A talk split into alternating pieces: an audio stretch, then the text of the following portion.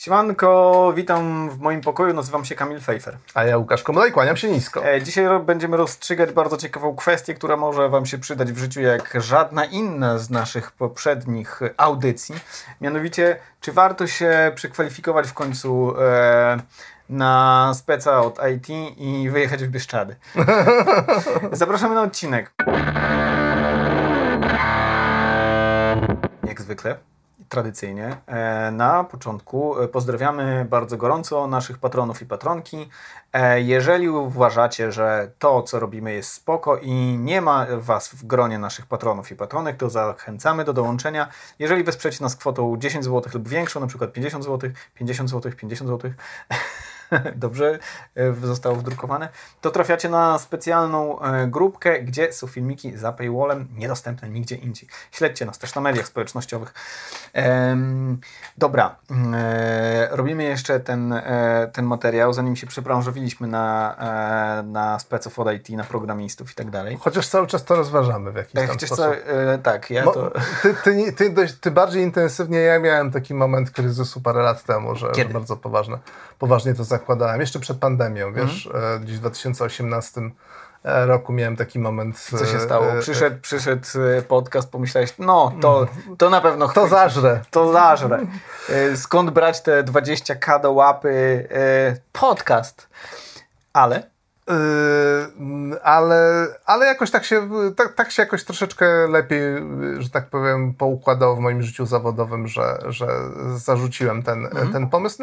Natomiast nie porzucam go zupełnie. Mhm. Znaczy, a właśnie dzisiaj będziemy się skupiać, dlaczego go nie porzucam i dlaczego wy też możecie go tak, nie porzucać. Łukasz znalazł bardzo dużo ciekawych, e, ciekawych danych. E, więc zacznę od tego. trochę że... zdradziłeś tak naprawdę, e, czy, czy warto, czy nie warto. Zacznę od tego, zacznę od tego że, że to jest rzecz, która jest często e, w, w, dotykana przez media. To znaczy, media się często zgłaszają do mnie, dziennikarze, z, z, z pytaniem o komentarz, czy warto teraz dalej się przebranżawiać mhm. w, w tym kierunku czy to dalej jest przyszłościowa branża. E, czasami są doniesienia, że na przykład spadła liczba ogłoszeń w, dotyczące właśnie branży e, ICT, czyli e, Information and Communication Technologies, bo tak, tak, tak to się wspólnie jakby zamyka takim terminem anglojęzycznym. Te wszystkie zawody związane z oprogramowaniem i komputerami, nazwijmy to tak szeroko. Mm. E, I, e, I w związku z tym też, e, że jest to rzecz, która zmienia nasz świat i w rzeczywiście istotnej grupie ludzi daje bardzo godziwe zarobki. Mhm. Jest bardzo dużo danych, jest bardzo dużo raportów, jest bardzo dużo analiz dotyczących tego, co się właściwie dzieje. Więc zacznijmy od tego mniej więcej, jaka, jakiej wielkości jest to grupa zawodowa. W Unii Europejskiej w tej branży ICT pracuje 8 milionów ludzi ludzi. Mhm. W Polsce to jest 586 tysięcy według dużo, Eurostatu. Dużo. Nie, nie, nie spodziewałem się, że aż tak dużo. Tak, też jest. Na 16,5 miliona pracujących w Polsce. Tak, tak. To jest to, jest to, jest to naprawdę taka solidna grupa. E, można się spodziewać, że za, za parę ładnych lat już będzie milion ludzi, którzy mhm. pracuje będzie przy, więcej. przy komputerach. Zaraz powiemy też, dlaczego będzie więcej. Tak. E, natomiast to, na co chciałbym zwrócić uwagę, że przy tej swojej wielkości to cały czas niby, to dużo i mało jednocześnie, bo to jest jednocześnie 3,5% e, wszystkich pracujących pracujących mhm. w Polsce. I dlaczego o tym wspominam? Dlatego, że mm, jak popatrzymy na e, to, jak to wygląda w e, krajach e, Unii Europejskiej, to ten odsetek w skali całej, całej grupy krajów unijnych to jest 4,5%. Mhm. Polska jest pośród krajów unijnych o najniższym odsetku osób pracujących w ICT mhm. i mając te 3,5% w Polsce na uwadze, wystarczy wspomnieć, że na przykład w E, Szwecji e, czy w e, Finlandii te, te odsetki, tam w Szwecji jest chyba 6%, jeśli dobrze pamiętam, Szwecja jest rekordzistką w Unii Europejskiej, mhm. jeśli chodzi o odsetek osób pracujących w tym, w tej, w tej branży, nazwijmy to szeroko. Jeśli chodzi o wzrosty. W... Tak, ale jeszcze, jeszcze mhm. tutaj jedna sprawa. W krajach najwyżej rozwiniętych jest tych pracowników więcej, więc wraz, większy odsetek ich, więc wraz z rozwojem gospodarczym prawdopodobnie będzie rósł udział pracowników w Polsce e, pracujących w IT, a to dlatego też, że badania i rozwój, e, mówiąc bardzo ogólnie, to jest domena IT. W krajach w bardzo wysoko rozwiniętych e, ten sektor badania i rozwoju jest znacznie prężniej działającej, a przez to zatrudnia większy odsetek osób niż w krajach niżej rozwiniętych. Ja bym nawet tutaj nie zwracał uwagi tak bardzo na, na badania i rozwój, bo w tym, pod tym względem też kulujemy, nawiasem, nawiasem mówiąc, e, e, w porównaniach międzynarodowych, e, szczególnie w krajach Unii Europejskiej. Natomiast Właściwie y, sektor IT, y, y, czy, czy w ogóle uzbrojenie naszej pracy w mhm. oprogramowanie czy w, czy w narzędzia komputerowe, to dotyka wszystkich branż. Mhm. Właściwie gdzie by się nie obejrzeć, teraz, teraz nawet budowa drogi to jest obsługa robotów, tak? Gdzie by się nie obejrzeć, w sprzedaży jest, oprócz tego, że jest sprzedaż przenoszona w online, to jest też, są automatyczne kasy. Mhm. Gdzie się nie obejrzymy, rośnie nasycenie E, oprogramowaniem, e, robotami, automatyzacją, a wszędzie do tego są potrzebni inżynierowie i fachowcy, którzy e, będą potrafili to ogarnąć, mhm. będą potrafili to obsłużyć, programować, modyfikować i tak dalej, i tak mhm. dalej.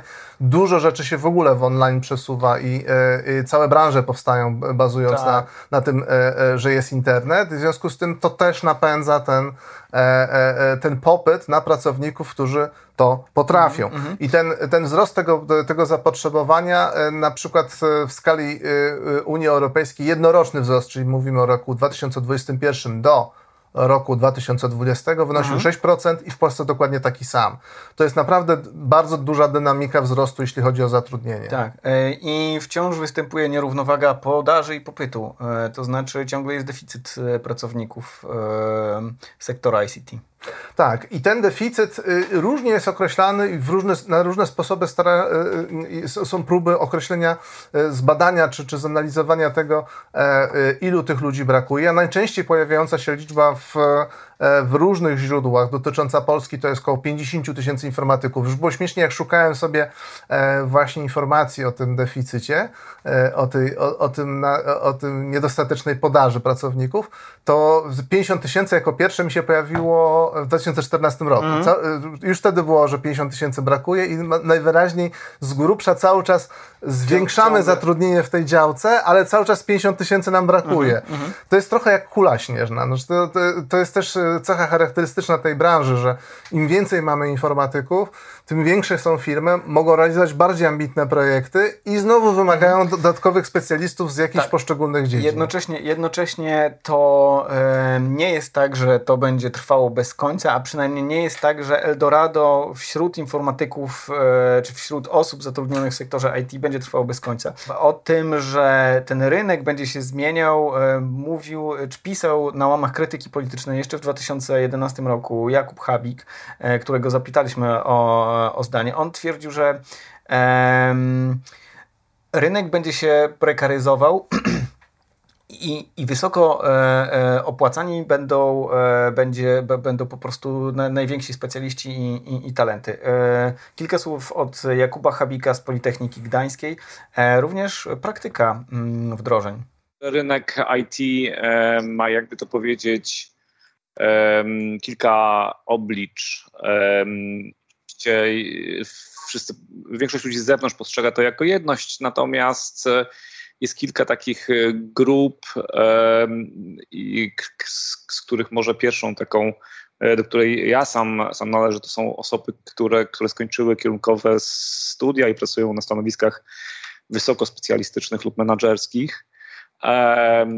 I one, ich nie jest wbrew pozorom aż tak dużo. Jest stosunkowo e, szeroka gama osób, które gdzieś tam jakimiś różnymi e, mniej albo bardziej krętymi drogami, czasami przez studia, czasami przez studia podyplomowe, a czasami nawet bez studiów kierunkowych e, w ten świat weszły, czują się nim, nim jak ryba w wodzie i chwała za to zresztą, że, że takie, takie ścieżki są. Oczywiście cały, cała umiejętność poruszania się na tym rynku to jest kwestia rozpoznawania odpowiednich trendów i podążania za nimi albo wpisywania się w nie. Wiadomo, że pewne technologie przychodzą i odchodzą. E, nie wiem, 10 lat temu w mocie były hurtownie danych i aplikacje ERP. E, teraz to jest chmura i, e, i data science, więc sztuka utrzymania się na tym rynku w dużej mierze polega na rozpoznawaniu tych trendów i i wpisywaniu się w nie. Jest też spora grupa tak zwanych wannabes, czyli, czyli ludzi, którzy, którzy chcieliby wejść, bo słyszeli, że to jest, jest fajny świat. E, mam wątpliwości, e, czy nie nastąpi z ich strony tak, tak zwana inflacja e, oczekiwań, czyli czy ich oczekiwanie dobrego, łatwego, przyjemnego życia nie rozbije się gdzieś o proste prawo popytu i podaży, czyli popyt jest stosunkowo ograniczony, podaż jest e, stosunkowo wysoka, e, zapewniają ją w szczególności tak zwane mm, e, bootcampy, które kształcą tych ludzi na, na kilkumiesięcznych kursach. Nie jestem pewien, czy, czy oni wszyscy nie znajdą się w tej samej pozycji, w której znaleźli się, nie wiem, przedstawiciele handlowi czy, czy bankowcy kilkanaście lat temu. Jeżeli y, popatrzymy na y, dane dotyczące tego, jaki jest ten deficyt i globalnie, i w skali Unii Europejskiej, to ja bym chciał zwrócić uwagę jeszcze na, dwa, na dwie liczby. Pierwsza liczba to jest krążąca w mediach liczba dotycząca deficytu informatyków, nazwijmy to, e, na poziomie globalnym, sięgająca 85 milionów do 2030 roku, że taką grupę ludzi trzeba mhm. będzie E, zatrudnić. To nie znaczy, że teraz ich tylu brakuje, tylko e, w perspektywie nadchodzących 8 lat e, tyle trzeba będzie, tyle powstanie miejsc pracy i de facto one mhm. nie wszystkie zostaną obsadzone. Nie wiadomo jaka część zostanie obsadzona, bo obserwowany ten trend jest w większości krajów rozwiniętych i niektórych doganiających też kraje rozwinięte. W związku z tym kształcenie informatyków też przyspiesza. Mhm. Przybywa ich i dominują tu coraz bardziej te ścieżki nie, nietradycyjnego kształcenia, mm. to mhm. znaczy wychodzące poza uczelnie, mury wyższych uczelni. Y, na, na są kursy, kursy, są bootcampy, są różnego rodzaju formy kształcenia, mm. także kształcenie online, które y, tak. sprzyja temu, żeby zdobyć podstawowe kwalifikacje. Tak, zapytaliśmy, zapytaliśmy też Jakuba Habika o to, czy rzeczywiście te bootcampy, czy też kursy online, ale też kursy, za które e, należy dużo zapłacić. Czy, czy, to ma, czy to ma sens? Mogę powiedzieć tyle, że e, bootcampy są bardzo różne i tutaj nie ma dróg na skróty. Jeśli ktoś sobie wyobraża, że w, że w kilkadziesiąt godzin nadrobi to, co jest, e, czego się, to, co się przyswaja na trzy lub pięcioletnich studiach inżynierskich lub magisterskich, to mhm. po prostu jest w, w błędzie. Y, y, to wymaga dużej samodyscypliny, dużej pracy indywidualnej, y, trochę szczęścia i tego, o czym mówiłem, czyli rozpoznawania odpowiednich trendów i umiejętności wpisania się w nie. Bootcamp w tej czy innej technologii, który ma tyle samo godzin i nawet y, podobnych instruktorów, może dać zupełnie inny rezultat w perspektywie pięciu lat. Nie dlatego, że uczestnik coś zrobił źle, a po prostu ta technologia chwyciła, a ta nie chwyciła i już. Jeśli chodzi o młodego człowieka, to poleciłbym mu porządne, dzienne studia e, na, na dobrej e, uczelni. Polskie uczelnie kształcą bardzo dobrze, dają wykształcenie z, z górnej półki i i osoba z takim wykształceniem ma niewspółmiernie lepsze szanse e, na, na karierę, życie, e, dobre dochody niż ktoś, kto, kto, schodzi, kto wchodzi z zewnątrz. Jeśli chodzi o, o 35-latka, e, który chciałby się przebranżowić, przede wszystkim kim spróbowałbym zweryfikować charakter człowieka.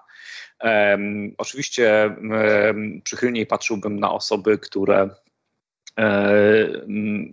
mają usystematyzowane e, myślenie. Jest taki inżynierski mindset, który ja bardzo cenię, który, który polega na tym, że ktoś, ktoś patrzy na zjawisko, dekomponuje je na czynniki pierwsze, stara się, się rozumieć, jak ono działa, następnie stworzyć model, E, I, e, e, I ten model, a potem kwestia na przykład zaimplementowania tego modelu w jakimś języku programowania, to jest już kwestia techniczna. Ja uważam, że informatyka jest nauką o, o ogarnianiu złożoności, dekompozycji modeli, rozumienia mechanizmów, po czym umiejętności zbudowania e, tego wszystkiego za pomocą narzędzi informatycznych, języków i technologii. E, więc szukałbym u człowieka tego mindsetu, szukałbym silnego charakteru, szukałbym samosterowności E, czyli takiej cechy, która sprawia, bo jednak tutaj e, e, szukamy ludzi samonapędzających się. Takich, nad którymi nie trzeba stać, których nie trzeba nadzorować, którzy jak zrozumieją cel, to mają osobistą determinację, są ciekawi świata i potrafią sami rozwijać swoją wiedzę. Co pięć lat każdy z nas będzie musiał zmienić środowisko pracy całkowicie i, no i e, szukamy ludzi, którzy będą w stanie e, e, to zrobić. Co ciekawe, w skali Unii Europejskiej szacunki historyczne dotyczące tego deficytu pracowników okazały się przestrzelone przez Komisję Europejską. Mhm. Komisja Europejska w pewnym momencie szacowała, że do 2020 e, roku będzie nam brakowało w skali Unii Europejskiej miliona e, e ludzi z sektora to, ICT. Kiedy, kiedy to, to, były prognozy z 90, e, przepraszam, z 2014 roku, jeśli dobrze okay. pamiętam. Czyli szybko się domyka. E, okazało się, że brakowało raczej 500-600 tysięcy etatów, e, 500-600 tysięcy ludzi mhm. e, na, na, na niezapełnione etaty. Czyli ten, to przestrzelenie było jednak dość wyraźne. To nie znaczy, że w ogóle jakby y, nie trafiono z prognozą, no bo jednak deficyt dalej tak, występował, tak, tak. Ale jakby przeszacowano te możliwości e, branży ICT w tworzeniu e, nowych miejsc, e, miejsc pracy, więc na wszelkie prognozy zawsze trzeba patrzeć z mm Y, dużą dozą podejrzliwości i ostrożności, szczególnie jeżeli one są długoterminowe, wieloletnie. Mhm. Mm, to, na co warto zwrócić uwagę, to jest to, że ze względu na to, że ta branża się rozrasta, ale chyba tak naprawdę zawsze tak było, trudno było mówić o, o jednym zawodzie. Mhm. No bo co to znaczy informatyk? To znaczy tak dużo, e, to jest tak pojemne e, e, pojęcie, że właściwie nic nie znaczy. To mhm. jest trochę jak rzemieślnik, że będzie popyt na pracę rzemieślników. A co to jest rzemieślnik? To może być szewc, tak. to może być człowiek, który naprawia na przykład sprzęt jakiś mechaniczny, mhm. sprzęt AGD, to może być osoba, która na przykład dokonuje renowacji mebli. To są e, od sasa do lasa zawody, które e, niewiele mają ze sobą wspólnego, pracują, polegają na pracy z zupełnie różnymi materiałami, mm -hmm. innymi narzędziami. Wymagane są kompletnie inne kwalifikacje. Dokładnie to samo jest z szeroko pojętym informatykiem. Dobra, jeszcze w zasadzie dwie kwestie. Kwestia tego, czy wszyscy się staniemy informatykami, czyli kwestia indywidualne versus systemowe podejście i tego, czy to jest hot or not. E, często w, w tych dyskusjach jest e, taka, mm, ta, ta, ta wymiana e, zdań w internecie wygląda tak. No, jak mówisz, że mało zarabiasz, to, to się przebranż, przebranżow, po polsku? Zmień, zmień branżę. robotę, zmień robotę, zmień branżę, zostaw, e, zostań informatykiem. Z drugiej strony mówi się, ale to nie rozwiąże z problemów systemowych, e, ponieważ jak nagle, kto będzie ci sprzedawał bułki, kto będzie pielęgniarką, jeżeli wszyscy staną się informatykami. Systemowe podejście zawsze jest mi bliższe. To jest prawda, że wszyscy nie zostaną informatykami z bardzo wielu przyczyn, między innymi. E, z... Nawet nie będą próbowali. Nawet nie będą próbowali, tak, ale to po prostu w sensie w ogóle dostanie się do branży IT, już nie, nie mówię o, o byciu programistą, e, wymaga bardzo dużo, e, dużo czasu. No po prostu musisz wyciąć sobie w życiu kilka miesięcy na, na naukę tego z nowej profesji. Z drugiej strony, jeżeli mowa o indywidualnych ścieżkach, e, indywidualnie pewne rzeczy zadziałają, e, na poziomie systemu nie zadziałają prawdopodobnie. Więc jakby teraz e, kończąc i konkludując hot or not, jeżeli mowa o ścieżkach indywidualnych, myślę, że hot, jeśli ktoś ma, jak to mówią młodzi, przestrzeń, jeżeli ktoś buntuje się przeciwko stawkom w jego pracy,